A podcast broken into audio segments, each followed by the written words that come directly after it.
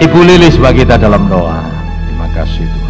Kami bersyukur pagi hari ini Tuhan buat lawatan Tuhan yang boleh kami rasakan di tengah-tengah kami. Kami berterima kasih Tuhan hadir bersama-sama kami. Ketika kami naikkan pujian kami Tuhan, kami rasakan roh kudus itu mengalir di setiap kami. Mengurapi kami, melayakkan kami untuk kami boleh datang kepadamu. Terima kasih untuk hari ini kami boleh berbuat bakti kepada Tuhan. Sebentar kami akan mendengarkan firman Tuhan. Biarlah kiranya urapan yang sama boleh hadir membuka hati kami masing-masing sehingga kami boleh mendengar firman-Mu, kami boleh melakukan firman-Mu di dalam kehidupan kami, kami boleh mengerti akan rencana Tuhan di setiap kehidupan kami, kami boleh mengerti akan maksud Tuhan untuk kami masing-masing. Hamba-Mu yang sebentar Tuhan. menyampaikan firman-Mu, biarlah kiranya Tuhan mengurapi supaya lewat lidah bibir hamba-Mu ini kami boleh dikuatkan, kami boleh dimenangkan, kami boleh diperbarui Tuhan. Terima kasih Tuhan, kami siap untuk mendengarkan firman Tuhan. Hanya di dalam nama Juru Selamat kami yang ajaib Tuhan Yesus Kristus, kami alaskan doa kami. Haleluya. Amin. Amin. Puji Tuhan. Silakan duduk. Selamat pagi. Selamat kita boleh kembali bertemu dalam kasih Tuhan Yesus Kristus. Bapak Ibu Saudara diberkati pada pagi yang indah ini. Amin.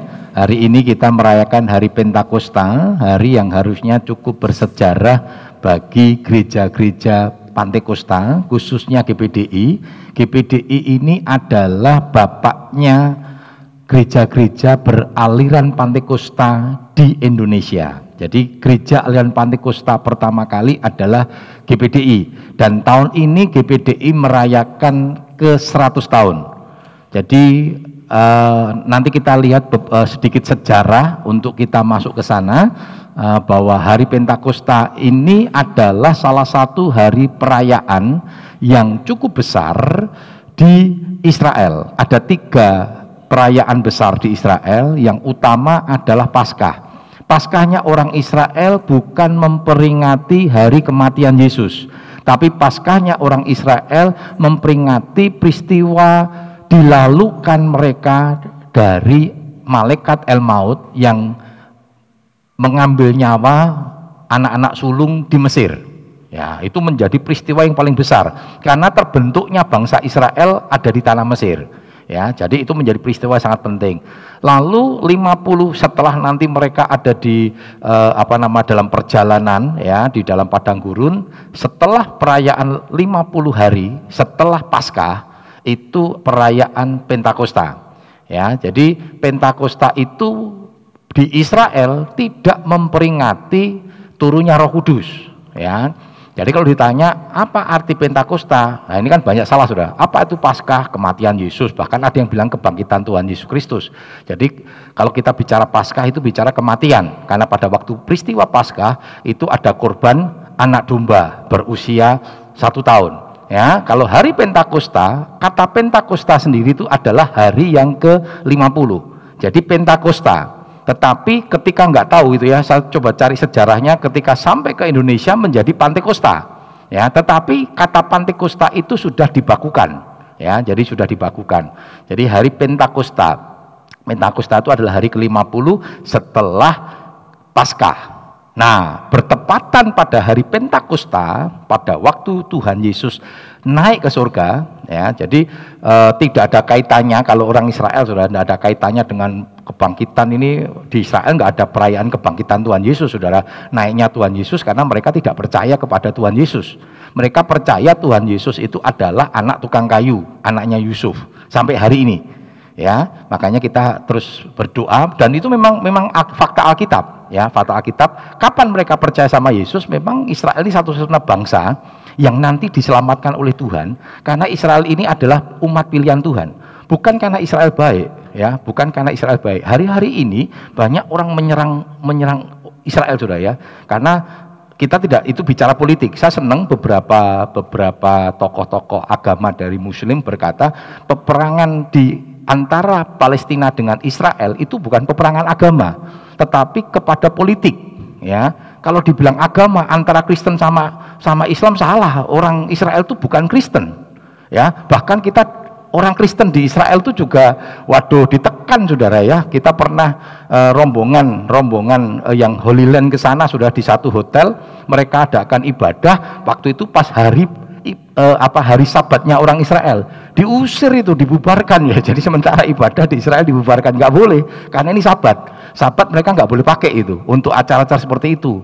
Sabat itu harus dikuduskan dengan hotelnya itu dipakai untuk ibadah sama saja kan dianggap bekerja. Bagi mereka bekerja bukan bukan bukan bukan ibadah sudah ya. Dan itu dibubarkan dibubarkan. Makanya pada waktu saya beserta dengan rombongan ke Israel kita cari hotelnya orang Palestina. Ya sebenarnya orang Palestina secara kemanusiaan kasihan saudara. Mereka itu bangsa yang nggak punya negara.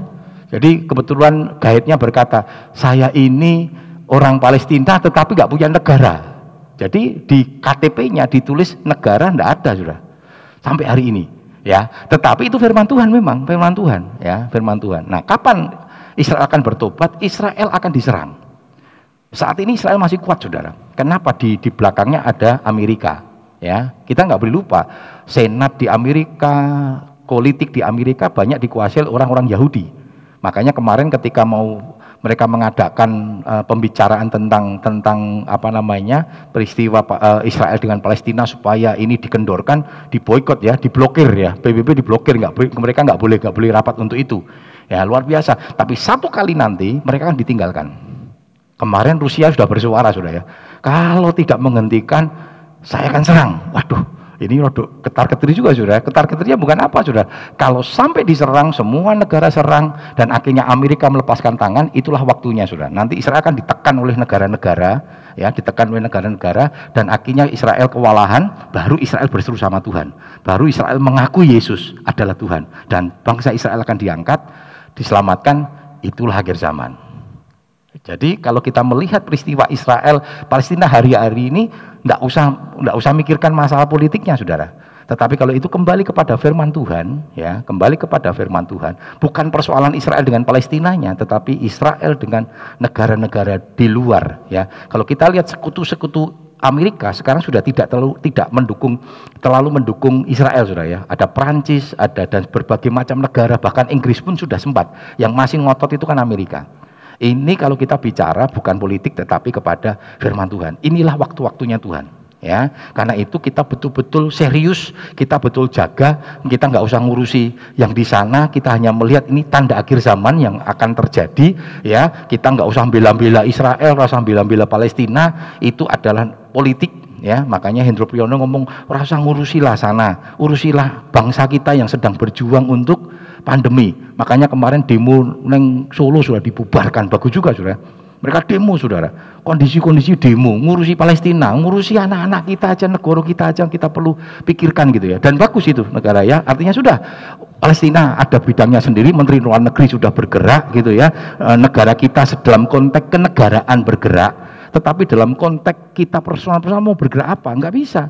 Ya, golek duit, hati-hati saudara ya, itu kan di perapatan-perapatan sudah mulai banyak Nah Palestina ngomong begini saudara, Palestina ngomong begini, kan Indonesia gembar-gembor ngasih duit. Palestina ngomong sini, sampai hari ini kami belum mendapatkan dana-dana itu.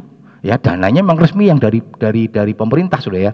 Pemerintah kita membuat rumah sakit yang ada di jalur Gaza. Ya, kita doakan saja. Ya, kita doakan itu adalah bagian dari rencana Tuhan. Yang penting sekarang ini tanda zaman.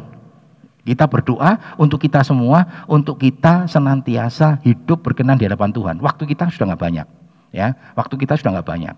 Ya artinya ini tanda-tanda tanda-tanda akhir zaman. Ya karena itu temanya adalah dikatakan dia bergerak di dalamku. Nah Roh Kudus sudah dicurahkan 2000 tahun yang lalu. Sekarang Roh Kudus buat apa? Kalau hanya diperingati tok setiap hari Pentakosta buat apa? Tetapi Roh Kudus harus bergerak. Kemarin kita dikenaikan move on bergerak. Ya kita harus bergerak saudara. Kalau hanya diem tok ngapain? Gereja harus bergerak. Iman kita harus bergerak. Kita harus bertumbuh Enggak, enggak cuma suam-suam kuku. Karena firman Tuhan katakan iman yang suam-suam kuku akan dilepas saudara ya. Akan di, di, dibuang saudara ya. Tuhan mau kalau panas-panas, kalau adem-adem. Ya, kalau dingin-dingin, kalau panas-panas. Supaya kita terus bergerak di hadapan Tuhan. Oke, mari kita sama-sama melihat Roma 12 ayat yang ke-11 ya. Kobarkan api Pantai Kosta. Itu adalah eh, lambang perayaan hari Pentakosta ya, perayaan hari Pentakosta yang ke-100 tahun yang dirayakan di Bali ya saya tidak berangkat saudara karena pandemi saudara ya. Jadi ada beberapa yang nekat berangkat terus aku neng omah wae. Saya berkata aku neng Jawa Tengah wae Joko Jawa Tengah saudara ya. Siapa tahu pulang kudu pandemi kabeh saudara ya. Jadi saya Jawa, jaga di Jawa Tengah sing penting pokoknya perlu dana ya kita kirim dananya karena saya sebagai bendara ya. Dan puji Tuhan sih berjalan dengan baik walaupun memang ada beberapa yang akhirnya terkena covid juga saudara ya. Nah, kita sama-sama bangkit berdiri Roma 12 ayat yang ke-11 kita akan baca bersama-sama. Dua, tiga. Janganlah hendaknya kerajinanmu kendor, biarlah rohmu menyala-nyala dan layanilah Tuhan. Puji Tuhan, silakan duduk. Api Pantikosta sebenarnya pertama kali terjadi kalau kita lihat di loteng Yerusalem. Ya, setelah Yesus naik ke surga, Tuhan berkata begini, "Tunggulah aku di Yerusalem." Dari 500 orang yang menantikan yang menghantar Yesus naik surga yang mentaati firman itu hanya 120 jadi seperti firman Tuhan minggu yang lalu saya katakan hanya 25 persen Ya, jadi 120 mereka menantikan di loteng Yerusalem dan pada hari Pentakosta 10 hari setelah Tuhan Yesus naik ke surga, makanya kenapa kita ada doa KKR 10 hari. Karena 10 hari itu orang murid-murid Tuhan Yesus di loteng Yerusalem dia berdoa. Jadi kita menteladani itu kembali ya. Tetapi pertanyaannya apakah pas hari-hari begini hanya Roh Kudus dicurahkan pada hari enggak, Roh Kudus dicurahkan setiap hari. Kita hanya e, merayakan momentum-momentumnya saja, ya, menikmati momentum-momentumnya saja. Karena pandemi ini sehingga kita tidak bisa mengadakan secara kolektif bersama-sama di gereja kita doa masing-masing di rumah masing-masing ya. Nah, itu 10 hari setelah itu di loteng Yerusalem mereka mengalami pencurahan Roh Kudus. Waktu itu belum glosolali ya. Jadi waktu di loteng Yerusalem itu belum glosolali ya. Bahasa rohnya itu bukan glosolali ya. Glosolali itu kan seperti yang kalau kita dipenuhkan Roh Kudus. Mereka berbahasa dalam bahasa asing bahasa-bahasa bahasa-bahasa manusia, bahasa-bahasa eh, apa namanya eh, negara ada 18 bahasa. Nanti kalau kita lihat di kisah Rasul. Mereka kaget sudah, maka berkata, ini mendem ini, Petrus ini mendem ya, tahu-tahu mungkin pakai bahasa Cina sudah. Dan itu pernah terjadi sudah ya. Jadi ketika ada orang yang dipenuhkan Roh Kudus, dia bukan orang Chinese saudara, tetapi pas ada di kumpulan orang Cina, lalu dia mulai berbahasa Mandarin saudara. Wah ini kaget, kok isu bahasa Mandarin yang orang Chinese yang ngerti bahasa roh itu dan itu bahasa tentang penginjilan sudah kata-katanya penginjilan. Waktu ditanya selesai sadar sudah selesai bukan sadar selesai mereka berbahasa roh sudah wah dipikir nih tahu bahasa Cina sudah bahasa Mandarin. Diajak ngomong bahasa Mandarin bingung. Jadi orang yang tadi berbahasa roh itu ah, ah bingung sudah lalu tadi tuh tahu bahasa Mandarin katanya. Nggak tahu saya bilang. Nggak tahu itu bahasa Mandarin Lalu berkata itu tentang pertobatan dan akhirnya banyak orang dipertobatkan itu digerakkan gereja Pantekosta awal-awal. Banyak terjadi sudah, banyak terjadi. Ya, jadi uh, mereka ada berbahasa asing dan nanti kita lihat sejarahnya terjadi pertobatan hari itu 3000 orang dibaptis. Perjalanan gereja mula-mula terjadi sudah ya. Sampailah nanti uh, gereja itu dikuasai ya. Waktu gereja mula-mula kita tahu murid-muridnya kan dianiaya sudah ya. Jadi semua tuh murid Tuhan Yesus mati syahid jadi 11 murid Tuhan Yesus itu mati syahid, yang tidak mati syahid dalam arti dibunuh itu adalah Yohanes. Yohanes diasingkan di Pulau Patmos. Ya, hanya satu-satunya itu sudah ya, diasingkan di Pulau Patmos. Singkat cerita akhirnya penginjilan itu berhasil dan akhirnya bisa menembus ke Kaisaran Roma. Akhirnya gereja dikuasai oleh Kekaisaran Roma, ya. Yang kita kenal dengan Roma Katolik sudah ya. Wah, itu dikuasai sudah. Wah, itu praktek-praktek yang kita tahu bahwa uh, Roma itu uh, percaya dengan politeisme.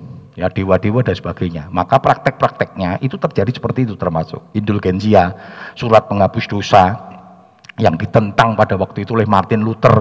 Karena untuk penghapusan dosa orang harus bayar sudah ya. Maka sampai sekarang kan gitu sudah nek gawe dosa ngaku mbek Romo. Eh, maaf ngaku mbek pemimpin pemimpin umatnya lalu mereka apa harus uh, memberikan indulgensia ya indulgensia jadi itu yang ditentang Martin Luther. Dalam perjalanannya akhirnya Martin Luther punya apa ya, punya pergumulan pribadi kok gini yo. Jadi anak Tuhan kok Tuhan itu kok jahat ya, kok Tuhan itu kok moto duiten ya? Maksudnya kok harus minta duit gitu.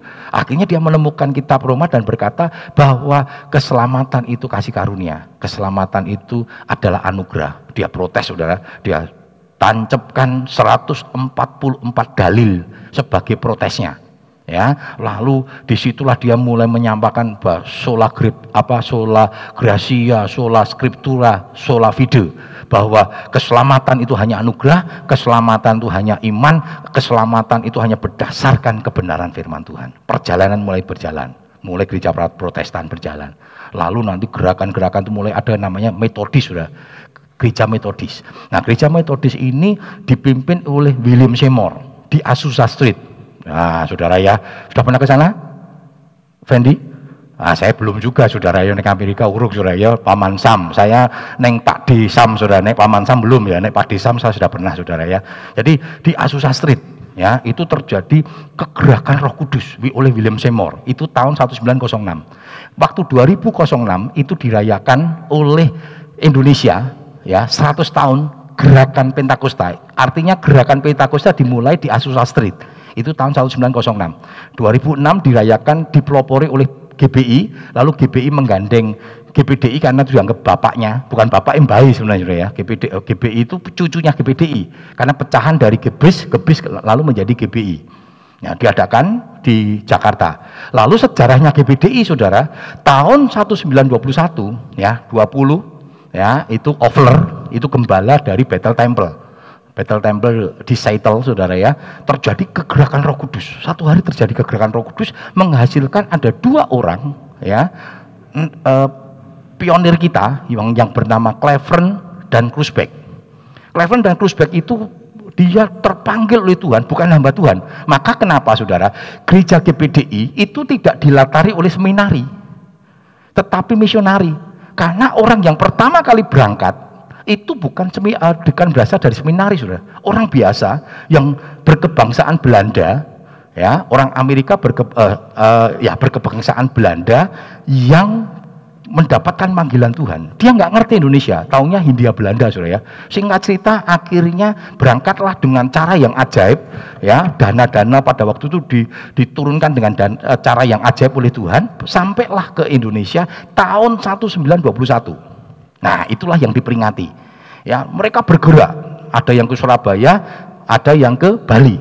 Tetapi mereka belum berhasil sampai tahun 1923. Mereka kembali ke Jawa Tengah, ke Cepu. Nah, di Cepu inilah ada satu keluarga namanya Bapak Van Kessel. Ya, Bapak Van Kessel itu adalah eh, salah satu petinggi di Cepu ya, di di apa namanya? di perminyakan Cepu. Sebenarnya bukan bertobat. Bapak apa namanya Cleveland uh, uh, sorry Bapak uh, Van Kessel ini adalah sudah percaya Kristen sudah, tapi kan Kristen-Kristenan gitu ya. Nah, orang Pantikosta pertama kali GPD itu gerakan awal dikenal dengan gerakan kesucian. Wah, pokoknya hidup kudus, hidup suci, orang untuk ngombe, orang untuk ngerokok, orang untuk nonton uh, TV, nonton TV dosa, bocokoran dosa, betul sudah dulu itu duniawi. Banyak saudara ya, sebanyak saya punya teman, akhirnya tidak mau gereja kenapa? Goro-goro pendeta nih ngajarkan ya orang untuk nonton TV, TV di rumah langsung didol saudara. Jadi rumah gak ada padahal dia kaya raya ya, kaya raya. Jadi pokoknya urip memang sembahyang bocor Alkitab. Wah, nah, nah stres dia, dia nggak mau ke gereja saudara, dia punya kepahitan. Itu gerakan awal-awal, gerakan kesucian luar biasa. Nah, ada 13 hamba Tuhan termasuk Pak Van Kessel beserta dengan istri, Bapak Lumoindong yang merintis di Semarang, ya. Lalu ada Om Rungkat, pendeta Rungkat itu uh, yang merintis di uh, Jakarta, Ketapang sekarang dipegang oleh Om Mandi. Ada 13 orang yang lain, Saudara. Inilah pionir-pionir yang akhirnya bergerak. Ya, bergerak bergerak bahkan setelah itu banyak apa uh, penerus-penerus termasuk nanti dalam sejarah Bapak JMP Batubara senior ya sebelum akhirnya di Salatiga dan di di apa namanya ke Surabaya dia sempat menjarah Kalimantan Barat memberitakan Injil di sana. Jadi Bapak JMP Batubara senior itu masuk dalam sejarahnya GPDI ya. Dia menjarah di daerah e, memberitakan Injil dari Kalimantan Barat baru nanti ke Salatiga baru nanti ke Surabaya. Nah itu sejarah sudah. Sejarahnya GPDI nah pertanyaan sekarang begini. Nah api api ini seperti apa sudah saya selalu katakan sama teman-teman ya, Sekarang ini jemaat GPDI 1 juta 500. Dulu sempat mencapai 2 juta. Mengalami penurunan sudah. 1 juta 500. Padahal ini Bapak E sudah. Yang paling banyak HKBP. Yang paling banyak HKBP. Baru kita nomor 2. 1 juta 500. Pertanyaannya banyak atau sedikit? Sedikit. Dibanding dengan 250 juta manusia di Indonesia. Makanya MP, Bapak Ketua Umum mengadakan ketika dia uh, menjadi uh, ketua umum, dia bergerak, dia terus pengen terus bergerak saudara. Dia mendukung pelayanan-pelayanan yang ada di di daerah-daerah di tempat-tempat terpencil supaya Injil itu diberitakan. Ya, karena itu tema kita pada uh, pagi yang indah ini, dia bergerak di dalamku, kalau bergerak apa? Ayo kobarkan api Pantekosta. Saudara, api pun Pantekosta gereja mula-mula. Kita kan melihat api Pantekosta gereja mula-mula secara cepat. Yang pertama apa saudara? Keberanian memberitakan Injil. Coba kita lihat di dalam kisah Rasul 2 ayat 14. Kisah Rasul 2 ayat yang ke-14. Maka bangkitlah Petrus berdiri dengan ke-11 Rasul itu dan dengan suara nyaring ia berkata kepada mereka, Hei kamu orang Yahudi dan kamu semua yang tinggal di Yerusalem, ketahuilah dan camkanlah perkataanku ini. Ya, mungkin Bapak Saudara kalau melihat ini sedikit-sedikit pelajarannya Saudara ya. Dikatakan Petrus berdiri dengan ke-11 rasul. Ah, berarti 12. Padahal kan Yudas sudah mati. Nah, sebelum nanti sebelum hari peristiwa Pentakosta itu kita masih ingat mereka membuang undi untuk mengganti uh, Yudas terpilihlah adalah Matias ya. Tetapi ternyata Matias ini nanti dalam perjalanannya nggak kelihatan sudah. Itu pilihan manusia karena mereka buang undi, ya kan? Tetapi rasul pengganti Yudas itu Tuhan yang tentukan siapa? Rasul Paulus. Maka Paulus selalu berkata, "Aku ini rasul." Ya, rasul dia langsung ditunjuk oleh Tuhan. Kita tahu dalam perjalanannya ke Siprus, saudara ya, dia ditunjuk oleh Tuhan dengan cara yang luar biasa. Nah, saudara, kita lihat Petrus. Petrus yang penakut, ya. Petrus masih ingat sebelum peristiwa, waktu sebelum peristiwa ini, sebelum Pentakosta, 50 hari yang lalu, ya 50 hari yang lalu sebelum Yesus Yesus uh, disalibkan saudara ya sempat dia kan ditanya ya ditegur eh, kamu kan murid Yesus oh bukan tiga kali dia menyangkal Tuhan Bahkan ditanya sama anak perempuan kecil. Oh, om, om, om ini muridnya Yesus, wah sumpah mati, sumpah mati Pak. Waduh luar biasa. Makanya pada waktu ayam berkokok, Petrus melihat Yesus, dia menangis sudah. Tapi setelah dipenuhkan dengan roh kudus, Petrus dia bersaksi luar biasa. Dan akibat kesaksiannya 3000 orang bertobat. Ya. Dan pemberitaan Injil, keberanian memberitakan Injil ini saudara, aduh sudah hilang sekarang. Nggak ada sudah. Gereja kita, GPDI saudara, banyak punya cabang dulu saudara. Yang sekarang digembalakan oleh hamba-hamba Tuhan. Ketika kita rilis, saya coba-coba melihat sejarahnya, itu yang rintis bukan hamba-hamba Tuhan. Itu yang rintis jemaat-jemaat loh saudara. Betul ya? Ini apa eh, jemaat-jemaat lama di tempat ini ya itu bukan hamba-hamba Tuhannya. Setelah ada rintis oleh jemaat-jemaat ya, di jemaat itu buka ini, buka ini, buka ini, buka ini, buka ini, terus diadakan ibadah rayon sudah ya. Akhirnya ada pengerja ditempatkan, dimandirikan. Tetapi bukan hasil dari hamba-hamba Tuhan ini sudah. Kebanyakan adalah jemaat-jemaat. Jemaat bergerak. Makanya selalu, selalu di kaum pria saudara. Saya katakan kaum pria itu menjadi ujung tombak. Saya ingin mengembalikan api pantai Kosta yang dulu untuk bergerak Makanya sebelum pandemi ya, ya kita bergeraknya apa? Kita mensupport eh, gereja-gereja kecil. Dua bulan, tiga bulan sekali eh, hamba apa namanya kaum pria berserta berserta dengan saya kita pergi ke gereja-gereja kecil sudah, gereja-gereja yang membutuhkan perhatian ke sana dan saya bilang begini, pokoknya acara itu saya ragelem, saya mau duduk tenang. Saya hanya menghantar, saya sudah duduk tenang, terserah sing mimpin pujian sopo, sing khotbah sopo. Saya nggak mau, nggak mau sudah. Ya awal-awal udah grogi sudah ya. Wah no, om om Agus meh khotbah grogi. Oh ternyata ketika mereka khotbah ngungkuli gembala nih saudara. Wah luar biasa ini. Kenapa? Gerakan ini harus terus berjalan. Karena banyak orang nggak berani saudara. Dulu banyak orang berani bagikan sekuler, betul nggak? Saya dulu pemuda, waktu pemuda, wah nyanyi sudah ya, Kaya ngamen sudah mbak beberapa teman muda nyanyi lagu-lagu pertobatan. Begitu kayak duit kita pergi sudah ya, kita nyanyi gerakan-gerakan itu ada. Waktu di kota Solo saya terus bergerak. Maka saya terus sampaikan kepada staf-staf, ayo tuh bergerak. Beritakan Injil. Beritakan Injil. Karena firman Tuhan ngomong, bagaimana mereka bisa mendengar kalau tidak ada yang memberitakan. Memberitakan. Makanya saya masih ingat ketika saya jadi gembala di tempat ini banyak yang datang sama saya. Om, banyak yang pindah loh, nih gereja ini gereja ini. Om tarik om, enggak saya bilang saya enggak mau. Jiwa oke yang Solo Tigo. Kenapa kita harus narik? Mereka sudah aman di sana, sudah melayani, biarkan saja. Makanya pada waktu angkung kulintang, ya, saya sampaikan, saya tahu mereka sudah apa namanya dulu jemaat kita sekarang ada di gereja-gereja lain. Saya bilang begini, saya enggak minta anda datang kembali ke ke, ke Siloam, enggak, saya bilang.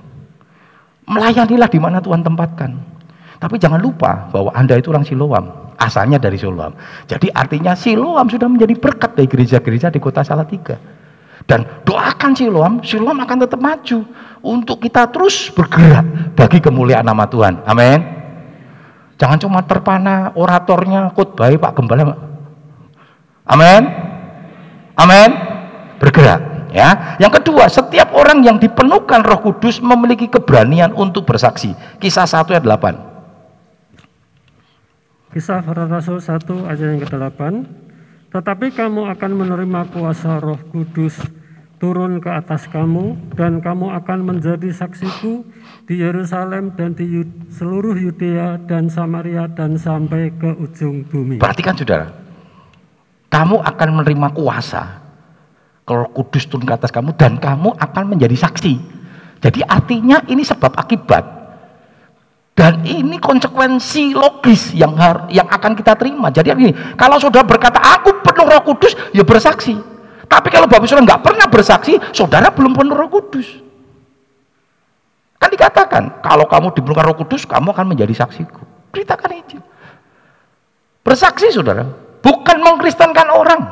Persoalannya kan sering kali kita salah. Wah enak om, mengkristen ke uang loh.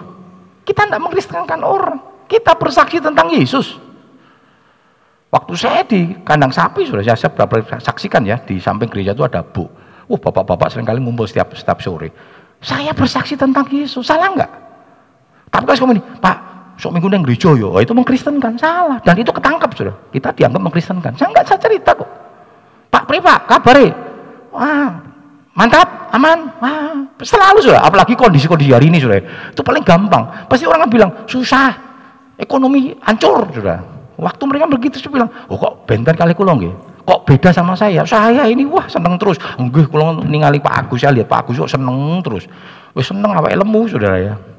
Dulu gembus sekali Saudara. Loh saya bilang, "Oh, karena saya ini punya sponsor. Namanya Gusti Yesus. Ya, waktu itu saya belum sebut nama Yesus, sudah dia tanya, sponsor wah enak nggih Pak Agus kok, enak ya Pak Agus kok punya sponsor ya. Loh mau tak kenalkan gimana? Loh mau pak? Boleh pak? Boleh. Ya kalau boleh nggak apa-apa pak. Kapan pak? Oh jangan kapan-kapan. Sekarang saya bilang. Wah hebat toh saudara. Oh sekarang pak? Ayo. Ayo saya bilang. Di mana pak? Anteng kini saya bilang. Loh maksudnya apa? Dia mau datang pak. Datang. Mau enggak kamu? Mau. Percaya be Gusti Yesus. Allah Gusti Yesus. Loh jualah. Allah saya bilang. Ojo eleh, Allah Gusti Yesus Allah Tuhan kita yang dahsyat. Ya soal soal hari itu dia ora percaya, yo karepmu. Tapi kan firman sudah dibagikan kan? Firman, saya pegang apa sudah? Setiap firman yang keluar dari mulut Allah nggak akan pernah kembali dengan sia-sia. Dan banyak sekali firman ini yang akhirnya mereka ketika menghadapi tekanan dan masalah sudah mereka ini datang sama Tuhan. Walaupun ada juga banyak juga mereka tidak ke GPDI. Sebab yang GPDI sin sudah, karena di kampung kan. Dia pergi gereja lain. Enggak apa-apa. Saya bukan cari jiwa untuk KBDI. Saya cari jiwa untuk kerajaan surga. Amin. Beritakan Injil dia pergi ke mana? Dia orang Jawa, orang iso bahasa orang iso bahasa Indonesia. Yo, teko ning GKJ. Orang Chinese, orang iso bahasa Indonesia, bahasanya Cina, bisanya Mandarin sudah. Pergi yang namanya Kalam Kudus. Di sana ada ibadah dengan bahasa Cina, bahasa Mandarin sudah. Yang penting beritakan Injil. Yang kedua, api Pantikosta gereja mula-mula, apa yang terjadi sudah? Terdapat kebersamaan dalam kesatian. Wah ini ciri khasnya gereja mula-mula sudah. Kebersamaan dalam kesatian. Ora usrek, ndak ribut. Dalam sejarah gereja sudah, itu terjadinya perpecahan karena mesti ribut.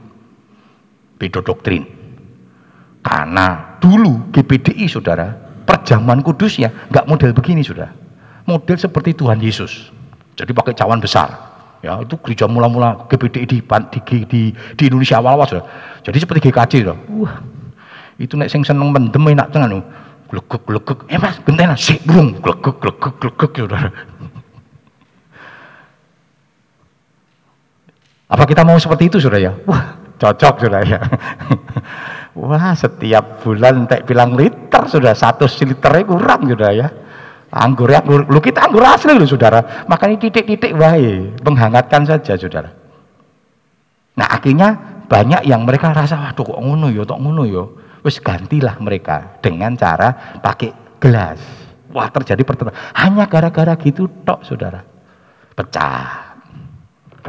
Ya, kalau saya sebutkan nama sinodenya pasti sinode ini nggak nggak akan mengakui, tetapi sejarah itu ada. Ya, jadi terjadi Bapak Van Kessel pada waktu itu tidak lagi dijadikan ketua umum, ya, diganti oleh Om Rungkat. Wah, beberapa beberapa pendukungnya mereka protes. Pak dengan Pak Van Kessel akhirnya keluar mendirikan namanya Gereja Battle Injil Sepenuh Kebis itu tahun 47 ya. Lalu tahun 70-an ya terjadi kalau kita lihat gereja Petamburan apa eh, sorry sekolah kita Petamburan yang miliknya GBI, eh, GBI itu sudah mereka dapat sumbangan tapi nggak dilaporkan rame sudah wakilnya Bapak Hal Senduk keluar dari Kebis mendirikan namanya Gereja Battle Indonesia. Ada Bapak Ishak Liu, gawe dewi jenenge Gereja Pantai Kosta Pusat Surabaya. Ada Bapak Injuwono, gawe dewi sudah Gereja Pantai Kosta Tabernakel. Ya, yang kita kenal dengan kabar mempelai. Wah, banyak sekali sudah. Sekarang sudah umum sudah ya. Jadi kalau ada sungai Yordan Pariaji itu buyute, buyute GPDI. Karena dari GBI gebis GBI pecah sungai Yordan. Nek pecah meneh berarti canggah kan gitu Saudara ya. Luar biasa.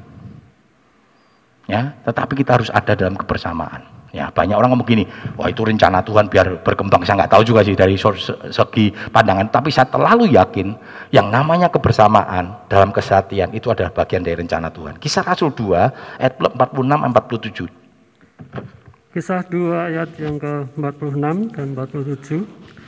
Dengan bertekun dan dengan sehati mereka berkumpul tiap-tiap hari dalam bait Allah. Mereka memecahkan roti dan di rumah masing-masing serta serta bergilir dan makan bersama-sama dengan gembira dan dengan tulus hati, sambil memuji Allah dan mereka disukai semua orang, dan tiap-tiap hari Tuhan menambah jumlah mereka yang percaya. Luar biasa, Suraya. Orang yang diselamatkan. Jadi mereka punya kebersamaan. Hari itu hari-hari itu kan hari-hari susah. Jadi setiap hari jemaat berkumpul bawa perjamuan kasih Ya, kita ini paling apa gereja terkenal paling sering perjamuan kasih sudah ya. Engkungger acara dulu apa acara pasca acara ini ya. Oh, acara meneh sudah ya. Engko acara apa namanya? Uh, jalan sehat, mangan meneh. Ora apa Saudara. Memang itu bagian dari rencana Tuhan sing penting kok grundel. Ya, ayo kita bawa makan masing-masing dulu kan gitu sudah ya, dia sering ya. Ayo bawa kita maunya gudeg, Nah, ada yang bawa gudeg ada yang bawa sambal gorengnya, ya, campur-campur dijadi ke siji, saudara ya. Nah, sekarang panitia nggak mau repot, udahlah catering saja gitu saudara ya, catering saja. Yang penting mangan bersamanya ya. Dan saya senang saudara ya. Tapi pandemi sedang memisahkan kita saudara ya. Jadi mangannya mangan dewi dewi saudara ya. Nah, kita doakan pandemi ber berlalu, engkau tanggal 1 Januari nah, kita perjamuan kasih lagi. Amin. Amin. Nek perjamuan kasih do semuling sumpilnya Saudara yang guyang guyu. Oh, haleluya. Apa nek ono door prese Saudara. Wah, luar biasa Saudara ya. Nah, Saudara, ini memang kebersamaan mereka. Mereka membawa, tetapi dengan sehati. Saling menopang, saling mensupport. Ya, Saudara, dalam kebersamaan firman Tuhan katakan apa? Ada kuasa. Coba kita lihat dalam Matius 18 ayat 19 sampai 20. Matius 18 19 sampai 20. Matius 18 ayat 19 20. Dan lagi aku berkata kepadamu, jika dua orang daripadamu di dunia ini sepakat meminta apa pun juga, permintaan mereka itu akan dikabulkan oleh Bapakku yang di surga.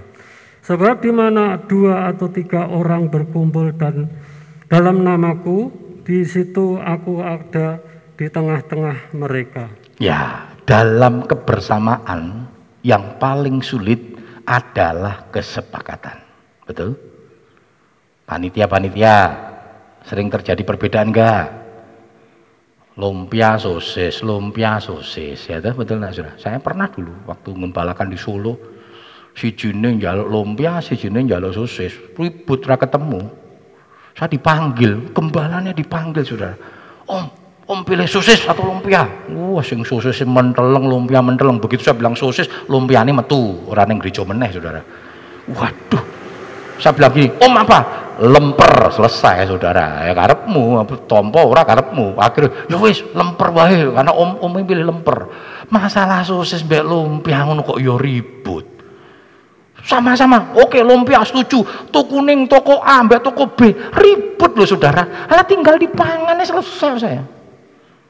Saya nggak tahu persoalkan itu, ya toh. Kalau saya malah di Solo itu dulu seringnya seneng saya ngambil jemaat saudara, berkati jemaat ya. Berkati jemaat ya. Kemarin dia om pindah ya neng roti ki sing roti kae lekak. Sekarang kono lah saya nggak mau urusan kono lah kue gule sing penting pas hari hari saya roti ora paling duyan ora patio duyan sudah sebenarnya kalau om pi om nek gorengan om martabak resolos wah jos itu sudah ya. Ini jangan berubah ya sudah ya. Jangan berubah. Ternyata jemaat lebih seneng roti ya saudara ya. Gembalane tok sing senengane gorengan sudah ya Saudara kasih menduan saya saja mbak lombok limo, wah cocok banget saudara. Daripada saya dikasih roti yang gede. Saya nak singkong ya saudara ya. Cilikane roti reso tuku karena larang, ya panganannya iso nih banggreng, menduan saudara. Jadi sampai hari ini ya paling enak kalau ditanya roti apa menduan, nah menduan saudara. Wah itu lebih lebih dahsyat saudara ya. Nah saudara jangan sampai gara-gara itu kan rame saudara.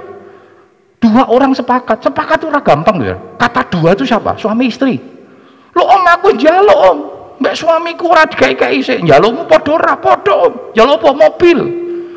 Bojone muni ngene itu mobil dhewe dolan-dolan. Suami oh jangan. Mobil itu kita pakai tuh jemput-jemput. Lu saudara neng kono berbeda-beda. Oh, makanya Tuhan tidak kasih. Bingung sampai kisah mau sepakati dulu. Mau buat apa dulu? Coba sudah koreksi sudah tapi Alkitab ini benar sudah kalau sepakat memang sepakat itu nggak gampang sudah betul Sepakat nggak gampang. Dua tiga orang sepakat. Lebih gampang sepakat dua orang atau tiga orang? Lebih gampang sepakat dua orang atau tiga orang? Loro yangel, opo meneh telu. Opo meneh sepuluh. Memang nggak gampang. Apalagi jemaat kita yang besar begini. Jalur aneh pasti beto-beto. Pasti ada tidak setuju. Gue pantinya nggak daging ini. Pasti ada saja nggak setuju. Tapi ya sudah, kalau saya bilang kata pokok jalankan saja. Yang penting semuanya tujuannya untuk kemuliaan Tuhan. Dan kita belajar. Kita belajar untuk hidup dalam kesepakatan. Amin. Kesehatian. Apa pun yang disajikan, apa pun yang sudah dikerjakan baik panitia, yo bersyukur. Hari ini panitia hebat sudah, nganggu pakaian daerah. Betul nggak sudah? Ngono kuwi orang batin. Eh ngopo Wes kondisi ini pandemi-pandemi datang kemayu kemaki nganggo pakaian-pakaian yang ngono nggo Sudah bersyukur ya, sudah bersyukur. Tapi di sini nggak ada loh sudah. Di sini ra ono sudah. Di luar-luar banyak. Neng sing batin ya sudah ya. Nah, saudara itu sudah. Jo seneng batin saudara, karena kita tidak bukan ilmu kebatinan. Ya, saya kan nggak seneng batin-batin sudah.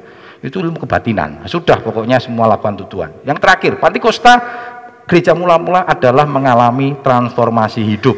Ke kisah Rasul 4 ayat 13.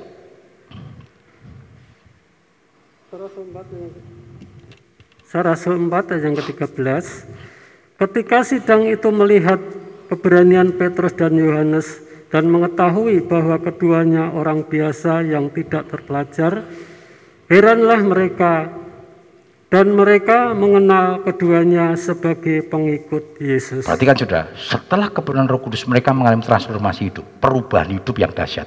Petrus yang orang biasa, tertidak terpelajar dan bahasa aslinya disebut dengan idiotes. Ya, memang tidak terpelajar Petrus ini, nelayan yang tidak tidak tidak punya latar pendidikan pendidikan yang bagus. Tapi tahu-tahu bisa ngomong yang luar biasa, ngomong diurapi dan ini pernyataannya para imam-imam. Ini kan dalam majelis agama, orang-orang pinter semua, orang berpendidikan, mereka heran. Kok bisa ya?